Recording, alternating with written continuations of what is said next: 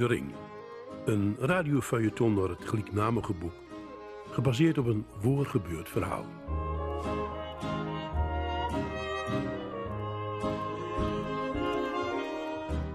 Je luistert naar een podcast van Drenthe Toen, De Ring, aflevering 2, waarin de hoofdpersoon zijn jeugd beschrijft, die niet makkelijk verliep in dat Drentse dorp vol oordelen en afrekeningen, en wanneer hij het verhaal hoort van zijn moeder en haar liefde voor de Duitse soldaat. In het dorp wist iedereen direct wel of mijn vader was. Al toen de eerste tekens van de zwangerschap van mijn moeder zichtbaar waren, vrat het verhaal zich rond. Lies Schulting wat een kind van een Duitse soldaat. Men wist het zeker, want in de zomer had Geert Braam ze beiden zien achter in het veld. Net door was zijn strikkingsten. Hij had twee mooie hazen onder de jas en was met de dadergangs toen ze hem over de met kwam. Man, zie je later, zo lang drie meter van mij af. Net aan de andere kant van de wal. Ik lag op de eerste rang. En hij had zich een poos nog schoolholden. En toen ze alweer weg waren, want hij dacht dat de soldaten niet goed vinden zullen dat hij streupte. Zijn verhaal deed in die zomer direct al de ronde. En iedereen wist ervan, behalve Bernd Schulding en de vrouw. Zo ging dat in dorp. Op Dolle Dinsdag, 5 september 1944, was er rumoer in dorp. De wildste geruchten gingen rond. Het zuiden van Nederland was al bevrijd, de hamers van Rotterdam waren door verzetsmensen bezet en bij Zwolle waren meer dan honderdduizend parachutisten naar beneden komen. En bij mijn opa kwam allerlei opgescheuten vreemd volk aan de deur. Dronken van overmoed, zullen ze die moffen hoer met dat kind wel eens even aanpakken. Moet je nagaan. Mijn opa had toen al meer dan een jaar vier onderdukers in het heuvak zitten. En mijn opa wilde later niet veel van vertellen, maar wel zei ze met trots hoe opa zijn jachtgeweer pakte en zei: Wacht eens om één stap in mijn hoes te zetten, ik schiet je aan flarren. En toen ben ze weer voortgegaan. Bij de bevrijding heb ze het niet weer geprobeerd. Ik denk door die onderdukers die toen ook tevoorschijn kwamen. Wel heb ze bij ons in dorp nog drie wichter kaal schoren en een stuk of wat NSB'ers oppakt. Mies mensen die niks hadden in de oorlog. Mijn moeder heb ze met rust laten. Opa mocht toen wel een hele zware tijd metmaakt hebben. Het volk was helemaal wild en er de gekste dingen. Op een avond in mei zag opa hem naar het opkamer die gaan, waar ik in het kinderbedje lag. Hij zat stiekem keken hoe hij mij over het hoofd streek en zei: Wat er gebeurt, mijn jonkie, het zal jou aan niks ontbreken. Jij kunt ook niet helpen. En toen liep hij met traan in de ogen de deel op. Hij was een zachte man, mijn opa. Maar tegen mijn moeder was hij harder, alsof ze haar zonde goed maken moest. Ze moest hard werken en deed dat zonder te sputten. Smrangs hielp ze met melken en na het voeren soms zat ze nog met naai en verstelwerk bij de heerd. En om half tien ging ze naar bed. Ze was stiller en trok zich terug. In het dorp zag geen een nog. Niet bij feesten, niet bij de toneeluitvoering. Zelfs niet op verjaardagsvisites. Ze kwam nergens. Overdag even gauw naar een winkel, dat was alles. Mijn jongste herinnering bent dat ik aan de hand van mijn moeder loop met hele mooie kleren aan. Vooral die mooie kleren, dat beeld heb ik altijd bij mij. Want mijn moeder kon geweldig goed naaien en ze was erg creatief. Er was vlak na de oorlog niks bijzonders te kriegen, maar zij maakte van alle lappen en jurken prachtige kleren voor mij, volgens de meeste internationale mode. Ik zeg dat iemand niet doet als een boerenkind, meer als een stadskind. Het was denk ik een soort van liederlijk verzet, net of ze de meesten in dorp trotseerden wol, En of ze wel laten voelen dat zij en ik bijzonder waren. Dat ze zich niks aantrok van de roddels en achterklap. Ik was de weerslag van een soort compensatiegedrag. En dat heeft er ook voor gezorgd dat ik boetende gemeenschap kwam te staan, denk ik. Oh, niet dat ik dat als klein kind al deur kreeg, nee. Nee, ik speelde op de boerderij. Dat is voor een kind ja zoveel te doen en te kijken. Dan bestiet die boetenwereld nog niet. Ik kan me ook niet herinneren dat ik de eerste vier jaar met andere kinderen speelde. Opoe was altijd bij mij en in een van mijn andere herinneringen zit ik bij opa op de trekker. En op de groepsfoto van de kleuterschool zie ik mij als een keurig jonkie dat een beetje apart stiet. In de klas zat ik ook al in. En dat zag ik pas later, op een andere foto. Ik geloof dat mijn moeder niet best wist hoe ze met mij aan moesten. Ach, ze was ook maar net 18 jaar. Ze was zelf nog een kind. Opoe heeft mij eigenlijk opvoed, samen met opa. Opa was altijd aan het werk en kon alles maken. Mijn moeder had de handigheid en de creativiteit van hem.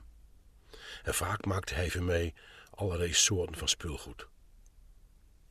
En ik moet door van ook meer had hebben als elk ander kind in het dorp.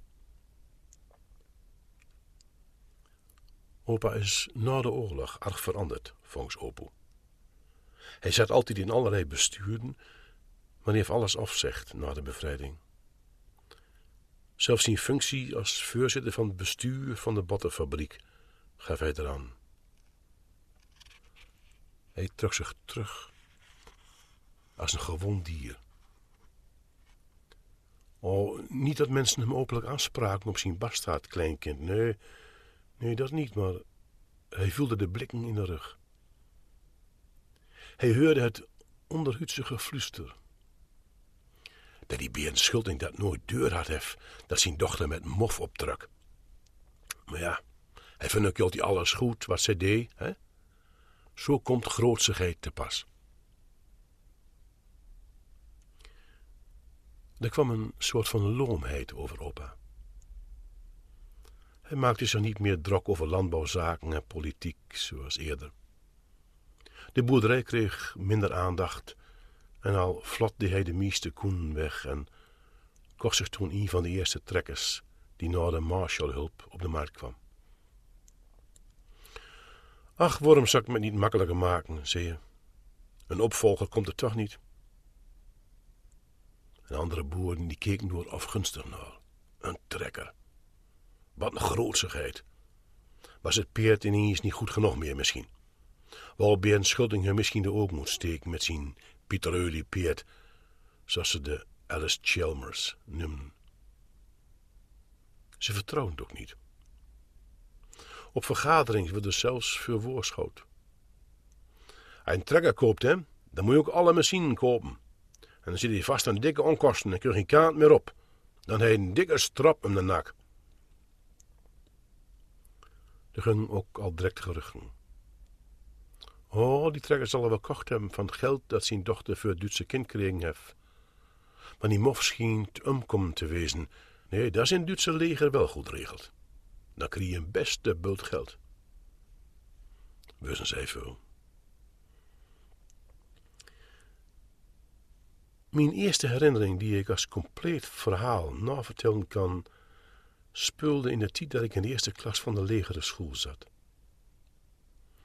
Op 5 mei 1950 zullen alle schoolkinderen kijken gaan naar een Engels vliegtuig dat in de oorlog naar beneden gekomen was. De stukken lagen op een open plek midden in het bos. En wij zullen bloemen plukken en erbij leggen. En de burgemeester en Rieks Jeuring, die in het verzet zeten haar, die zullen door dan wat zeggen. Dagen daarvoor had de juffrouw erover verteld. Een vliegmachine op bord tekend en ik verheugde me erg op het avontuur. Ja, want zoveel had je nog niet metmaakt. Toen de dag kwam, hul opoe mee in huis. Uh, je kunt vandaag niet naar school, mijn jong, zei ze. Je moet in huis blijven. ik mag niet met. En daar begreep ik niks van. Ik zie nog de kinderen lopen, twee aan twee, met een feestelijk gezicht, met bossen bloem in de hand. En ik zat achter het raam met mijn nieuwe blikken speelgoedauto. Die had ik net van Opel gekregen. Kijk eens, mijn jong, zei ze. Ga jij hier maar ver met spullen. En we hadden toen nog geen vlag aan het hoes hangen. Dat was ook raar. Op een paar boerderij na hing bij de meeste hoezen de vlag uit. Heb wij geen vlag, Opel? vroeg ik. Nee, mijn jong, zei ze, die is stuk. Ze veegde zich met de punt van de schoot een tranen ogen. En later ben ik er echt op gaan letten, op die vlag. Op Koninginnedag, op 4 mei, op 5 mei, nooit hadden wij een vlag goed. En later begreep ik dat het niet kon. Het was onmogelijk. Het dorp zult nooit goed van hebben. Als wij vlaggen, zullen ze schamper zeggen. Een grote vlaggentoes, maar wel heulen met een moffen. En als wij niet vlaggen, gaan ze zegt. Schuld in zien vlag niet. Nee, die hebt natuurlijk niks met ons volk. Mijn herinnering bindt lusse fladden. Ik zal een jaar of zes, zeven best wezen, toen ik deur kreeg dat ik geen vader had. Ja, dat ik dat de vuur niet opmaakt haar is misschien wel vreemd, maar ik had opa immers. Die was er altijd en deed veel met mij. En ik vroeg toen een keer aan mijn moeder hoe dat kon dat iedereen een pap had en ik niet. Ze zei niks en ging gauw de kamer uit. En later vroeg ik dat een opel. Je pap is overleden, mijn jong. Toen was hij nog niet geboren. In de oorlog. Dat was mij genoeg toen. Want er waren nog een paar andere kinderen waarvan de vader in de oorlog overleden was. Die van Jansie Dieks, die was zelfs doodscheuten door Duitsers. En Jansie was er maar wat trots op. Is mijn pap ook doodscheuten, mam? vroeg ik toen ik dat hoorde. Ja, mijn jong. Was het enige wat ze zeggen kunnen. En later heb ik er nooit weer over gepraat. Want als kind neem je een situatie al gauw zoals het is. Toen ik een jaar of negen, tien was, hadden we een keer een oelnust in de schuur met twee jongen erin.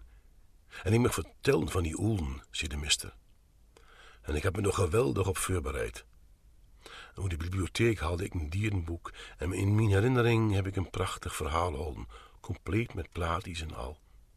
En aan het eind zie ik, en als de kinderen het willen, mogen ze vanmiddag allemaal komen kijken.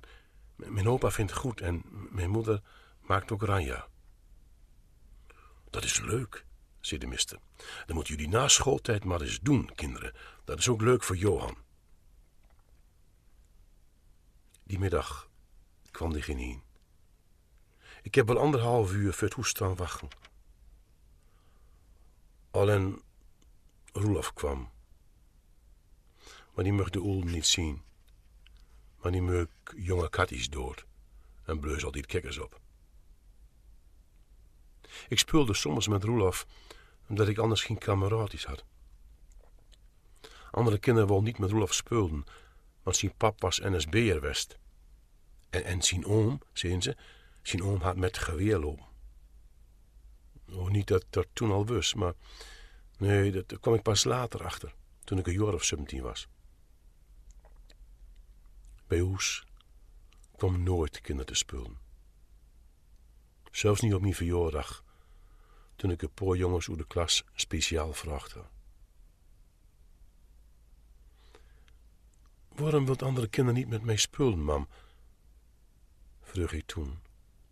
En waarom mag ik nooit meedoen op het schoolplein? Ik, ik, ik kan harder lopen als, als Rens van de Bakker. En voetbal kan ik niet zo goed, maar ik kan het je wel leren, mam. En als ik goed oefen achter de banen, dan mag ik misschien dan wel meedoen. Mijn moeder gaf er toen geen antwoord op. En toen ik deur dreinde, mam, mam, waarom mag ik nooit meedoen? Toen loop ze op een drafje de kamer uit. Aan de dag zat opa aan voetbal. Kom maar jong, ik zal je voetballen leren, zei je. En met ons beiden voetballen wij vanaf die tijd wel een paar keer in de week. Ja, opa kun voetballen. Hij had met een paar anderen de voetbalclub in Dorp opricht in de twintig jaren. En ik heb oefend dat mij de kappen van de klompen vleugen. Soms met opa, vaak alleen. En toen ik twaalf werd, kreeg ik een paar echte kwik voetbalschoenen. Van zwart met rood leer en een trainingspak. Ja, en dan moet je nou maar bij het voetballen, zei opa. Ik heb er al met Bertus en Geert over gehad. Bertus Kroesenga en Geert Venings waren jeugdleiders. Jongens voetballen allemaal bij ons op dorp. En jij twaalf waren, dan kun je bij de B's. Het eerste jeugdelftal. In september begon de competitie en op de eerste open trainingsavond liep ik met mijn nieuwe voetbalschoenen naar het veld.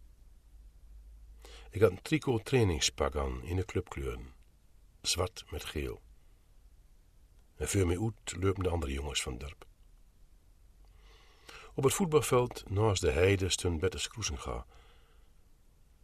En vroeg wie al eens vaker voetbald haar en graag bij de vereniging wol en iedereen reupend hartste. En toen keek hij mij aan. En jij mijn jong? Daar schrik ik van. Ik, ik, eh, ik, ik, ik wil er ook graag bij, zei ik zachtjes. Het was direct stil in de groep. Als die mof erbij wil, gok er niet bij, riep Geert Weerman. Toen hij voortleep was een hele poos stil. En toen schroevelden een poor ook achteruit. Ik ook niet, hoorde ik mompelen.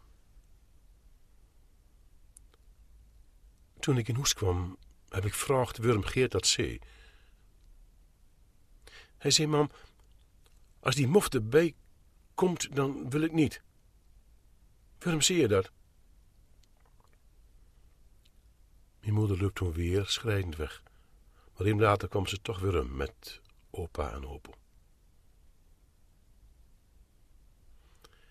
En dat was het moment waarop ik voor het eerst het verhaal hoorde. Het verhaal van mijn moeder. Van haar echte liefde voor een Duitse soldaat die mijn vader was. En ze vertelde dat ze trouwen zullen, maar dat hij eens weg moest. En hoe ze via een dienstkameraad van hem een kaart gekregen had. Met het bericht van zijn dood. En op mijn vraag of hij dan ook zo'n gemene Duitser was die zomaar andere mensen doodscheurt, zoals iedereen altijd vertelde, zei ze: Nee, mijn lieverd, nee. Nee, hij was de oorigste man die ik ooit kent heb. Hij zal nog geen mug doodhouden. Hij was net als jij. Je liet zoveel op hem. En op mijn twaalfde jaar kwam langzaam het inzicht waarom ik mijn hele jeugd een boetenbie die west was in het dorp. En waarom ik nergens bijhoorde. Mijn vader was een Duitser. En om een of andere reden was dat slecht. En daarom mag ik nooit wild rennen en schreeuwen. Daarom mag ik nooit weer vechten. En daarom moet ik altijd beleefd wezen tegen elke volwassene. Zelfs tegen Mal Abi, de dorpsgek. Nooit.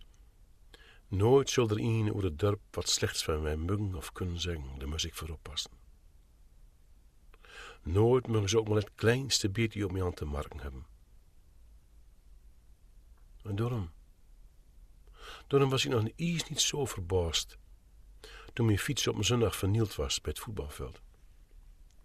Dat de banden nog die leeg waren, daar was ik al aan wend. Ik had namelijk op mijn dertiende jaar een splinternieuwe fiets gekregen van opa. Een Germaan, die werd gemaakt in Meppel. En die kostte wel 200 gulden. En toen bekeek ik. En toen begreep ik ook de grapjes van de mensen. Kijk, die fiets heeft zijn vader zeker weer stuurt door Duitsland. Zoals het markt klopt. Die zondagmiddag kwam ik lopend met de vernielde fiets de baan erin. En onderweg was ik voor het eerst kwaad worden in mijn leven. echt kwaad. Jankend van onmacht en helligheid smeed ik de fiets tegen de muur. En mijn opa stond mij op te wachten. Hij legde zijn armen in mijn schouder en nam mij verder met de deel op. Ik greep mijn heuvelk. Ik, ik, ik, ik ze wel, zie ik. ik. Ga ze allemaal achterna. Opa pakte mij de vurk rustig af. Dat heeft geen zin meer, jong. Zeer zachtjes. Er is niks aan te doen. En in mijn herinnering is dat de eerste en enige keer in mijn jeugd dat ik kwaad was. En ook de enige keer dat ik mij een beetje verraden voelde. Europa. Uiteindelijk berustte ik in mijn isolement. En ik groeide op tot een jongen die bedachtzaam en observerend door het leven ging. Het leren ging me makkelijk af. En toen ik al een pooier op de HBS in de stad zat, toen vond ze opa op een dag op het land. Hij lag achter de trekker en ademde haast niet meer. En in het ziekenhuis toen aan het hart opereerd en toen hij weer kwam, zag ik ineens een broze oude man. De opa van mijn jeugd, die me alles leerde over vogels, planten en weer, die me met gereedschap leerde omgaan, die mij voetbal leerde, die opa bestond niet meer. In de daarna verstilde hij. Er was nou nergens meer bij. De boerderij ging niet goed meer. En het grootste deel van het land werd deur verkocht aan de gemeente. En toen ik zestien was, werden door nieuwe huizen gebouwd. Opa was toen net zestig jaar. In die tijd werd de sfeer in het dorp een beetje anders.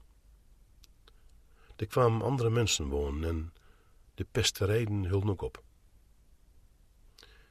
Ik kwam niet vaak in dorp, maar het leek of de scherpste kanten van de oorlog eindelijk verdwenen waren en dat de verhalen vergeten waren. Misschien heb ik het dorp op mijn zumtiende jaar aanduurd om met te werken aan de voorbereidings voor het schoolfeest. Eens in de vijf jaar was dat een geweldig feest, wat heel het dorp aan met deed. En zoals altijd was er ook dat jaar een optocht met versierde wagens. De wagen van onze buurt werd versierd bij mijn opa in de schuur. Op opa's voorstel heb ik door toen het ontwerp vermaakt. Compleet met schetsen in kleur. En al ging mij zulke ding makkelijk af, ik had hierop geweldig mijn best gedaan. Blijkbaar had ik de creatieve aanleg van mijn moeder arft. En voor het eerst voelde ik bij het gezamenlijk opbouwen en versieren iets van verbundenheid met andere mensen uit het dorp. En daarom durfde ik waarschijnlijk ook naar het feest in de tent die avond, waar ook de prijsuitreiking van de wagens wezen zou. Onze wagen won twee eerste prijzen. Een van de jury en de publieksprijs. Ik mocht de prijzen ophalen. En ik stond met een heel onwezenlijk gevoel na te soezen. Toen ik een glas bier over me heen kreeg met de woorden: Hier, mof een zo van bier. Hier, hé, bier. En vijf jongens uit het nabuur. En vijf jongens uit het buurdorp stonden mij uitdagend lachend aan te kijken. Ik was eerst verbouwereerd en toen kwaad. Ik had nog nooit één mens wat aandaan, maar nou wil ik erop. Het werd me rood verdogen. Ik zal houden, ik zal vechten. En net toen een van die jongens aanvliegen zo, greep een hand mij vast. Het was Albert Enting. Een van de weinigen die regelmatig bij mijn opa kwam.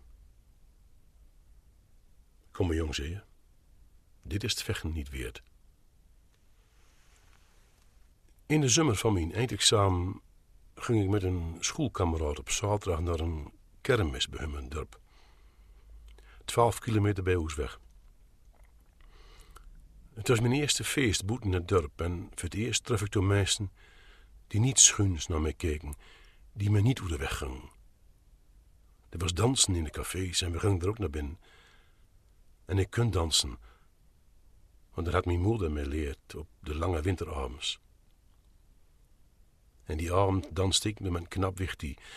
En voor het eerst was er een die gewoon tegen me deed. Ene waar ik bij mug zitten, die wel cola van mij drinken wil. Die lachte om mijn grappies en die mij orig vond. En ik vind haar orig en lief. En ze was het knapste wicht dat ik ooit zien had. Kom je morgen weer? vroeg ze toen ik naar huis bracht had. Ik was in de wolken. Ik maakte een gevoel met dat ik nog nooit kend had. En die zondag daarna hebben wij samen wandeld door het bos, langs de akkers. En daarna nog een zondag en nog een. En toen ineens zei ze in de week daarna: um, Je moet maar niet weer komen, het is goed. Ik begreep er niks van. Een week daarvoor had ze mij zegt dat ze zelfs ook verliefd op mij was. En dat ik zulk mooi blond haar had en zulke mooie donkere ogen. En dat ze mij zo heel anders vond als al die andere jongens die er handen niet in huis houden kunnen. En nou niet is dit. Het is oet. Is het omdat je misschien gehoord hebt dat ik een kind ben van een Duitse soldaat? Vroeg ik. Daar was ik immers al zo vertrouwd met raakt. Ze zei niks en hulde schouders op. Nou, dag hoor, zei ze toen. En ze liep. In mijn leven had ik mij nog nooit zo verslagen en uitgekotst voelt als toen. De wereld zou me niks meer te bieden hebben. Ik zag geen toekomst meer. En ik weet nog dat ik onderweg dacht heb... als ik mijn fiets ineens voor die vrachtauto stuur, is het over. Dan heb ik rust. Dan is het voorbij. Zo wiet was ik toen. Vreselijk. En ik was nog maar 18. Diezelfde zomer bij wij. Mijn moeder en ik. Dat had hier trouwens niks mee te maken. Nee, opa en opa hadden nou de boerderij verkocht en woonden in Burgerhoesie midden in het dorp. En het kwam goed uit dat wij voortgingen. Mijn moeder wil ook wel het dorp uit, zei ze. Al had ze hun weg door wel alweer een beetje fun. Ze was nog 36 jaar en ze had een man leren kennen, zei ze, uit Zwolle. Een marktkoopman in textiel. Hij was weduwnaar en twaalf jaar ouder als zij, maar hij wil naast die marktkraam ook een winkel beginnen. En dat kan mijn moeder dan mooi doen. De verhoezing naar Zwolle was voor mij een soort bevrijding. Hier kende geen mens mij meer. Hier was geen van mijn moeder en van mijn Duitse vader. Hier was ik gewoon Johan Schulting, aankomend student architectuur.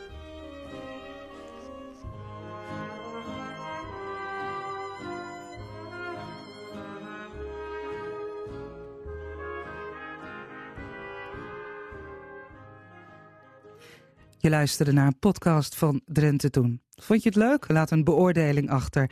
Neem anders een kijkje op de website van RTV Drenthe voor onze andere podcasts.